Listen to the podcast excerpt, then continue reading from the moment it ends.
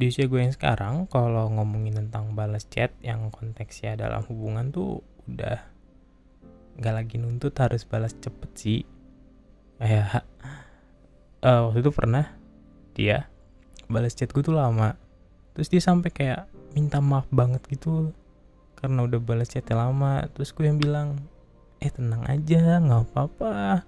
Kan ini lagi jam kerjanya kamu kamu ya harus fokus dan prioritasin dulu pekerjaannya kamu. Nanti kalau misalkan udah beres kerjaannya ya baru balas chat aku. Jadi nggak usah yang uh, aku yang diduluin kalau lagi emang ada kesibukan atau ada pekerjaan.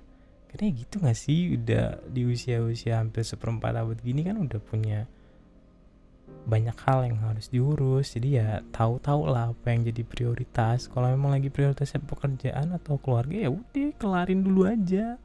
Dan uh, gue sama dia selalu belajar untuk komitmen buat menyisihkan waktu entah itu 15 atau 30 menit buat cerita sih cerita tentang hari ini. Cialah kayak novel. Jadi kayak kalau misalkan mau tidur gitu gue tanyain kamu ada cerita apa tuh deh terus ya udah dia dia mulai cerita tadi pagi aku kayak gini aku kesel deh gitu gitu gitu. Buat gue hal hal itu penting sih buat nanyain harinya dia dan dia pun nanyain harinya gue karena dari situ bisa belajar untuk punya safe place. Karena kan kita udah sibuk ya. Kita udah sibuk kita udah wah emosinya mungkin uh, roller coaster lah istilahnya naik turun. Tapi ya pas lagi mau mengakhiri hari ya kita punya sama-sama tempat buat cerita.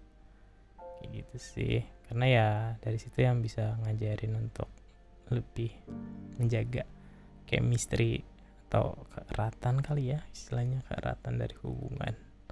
Gue belajar gitu sih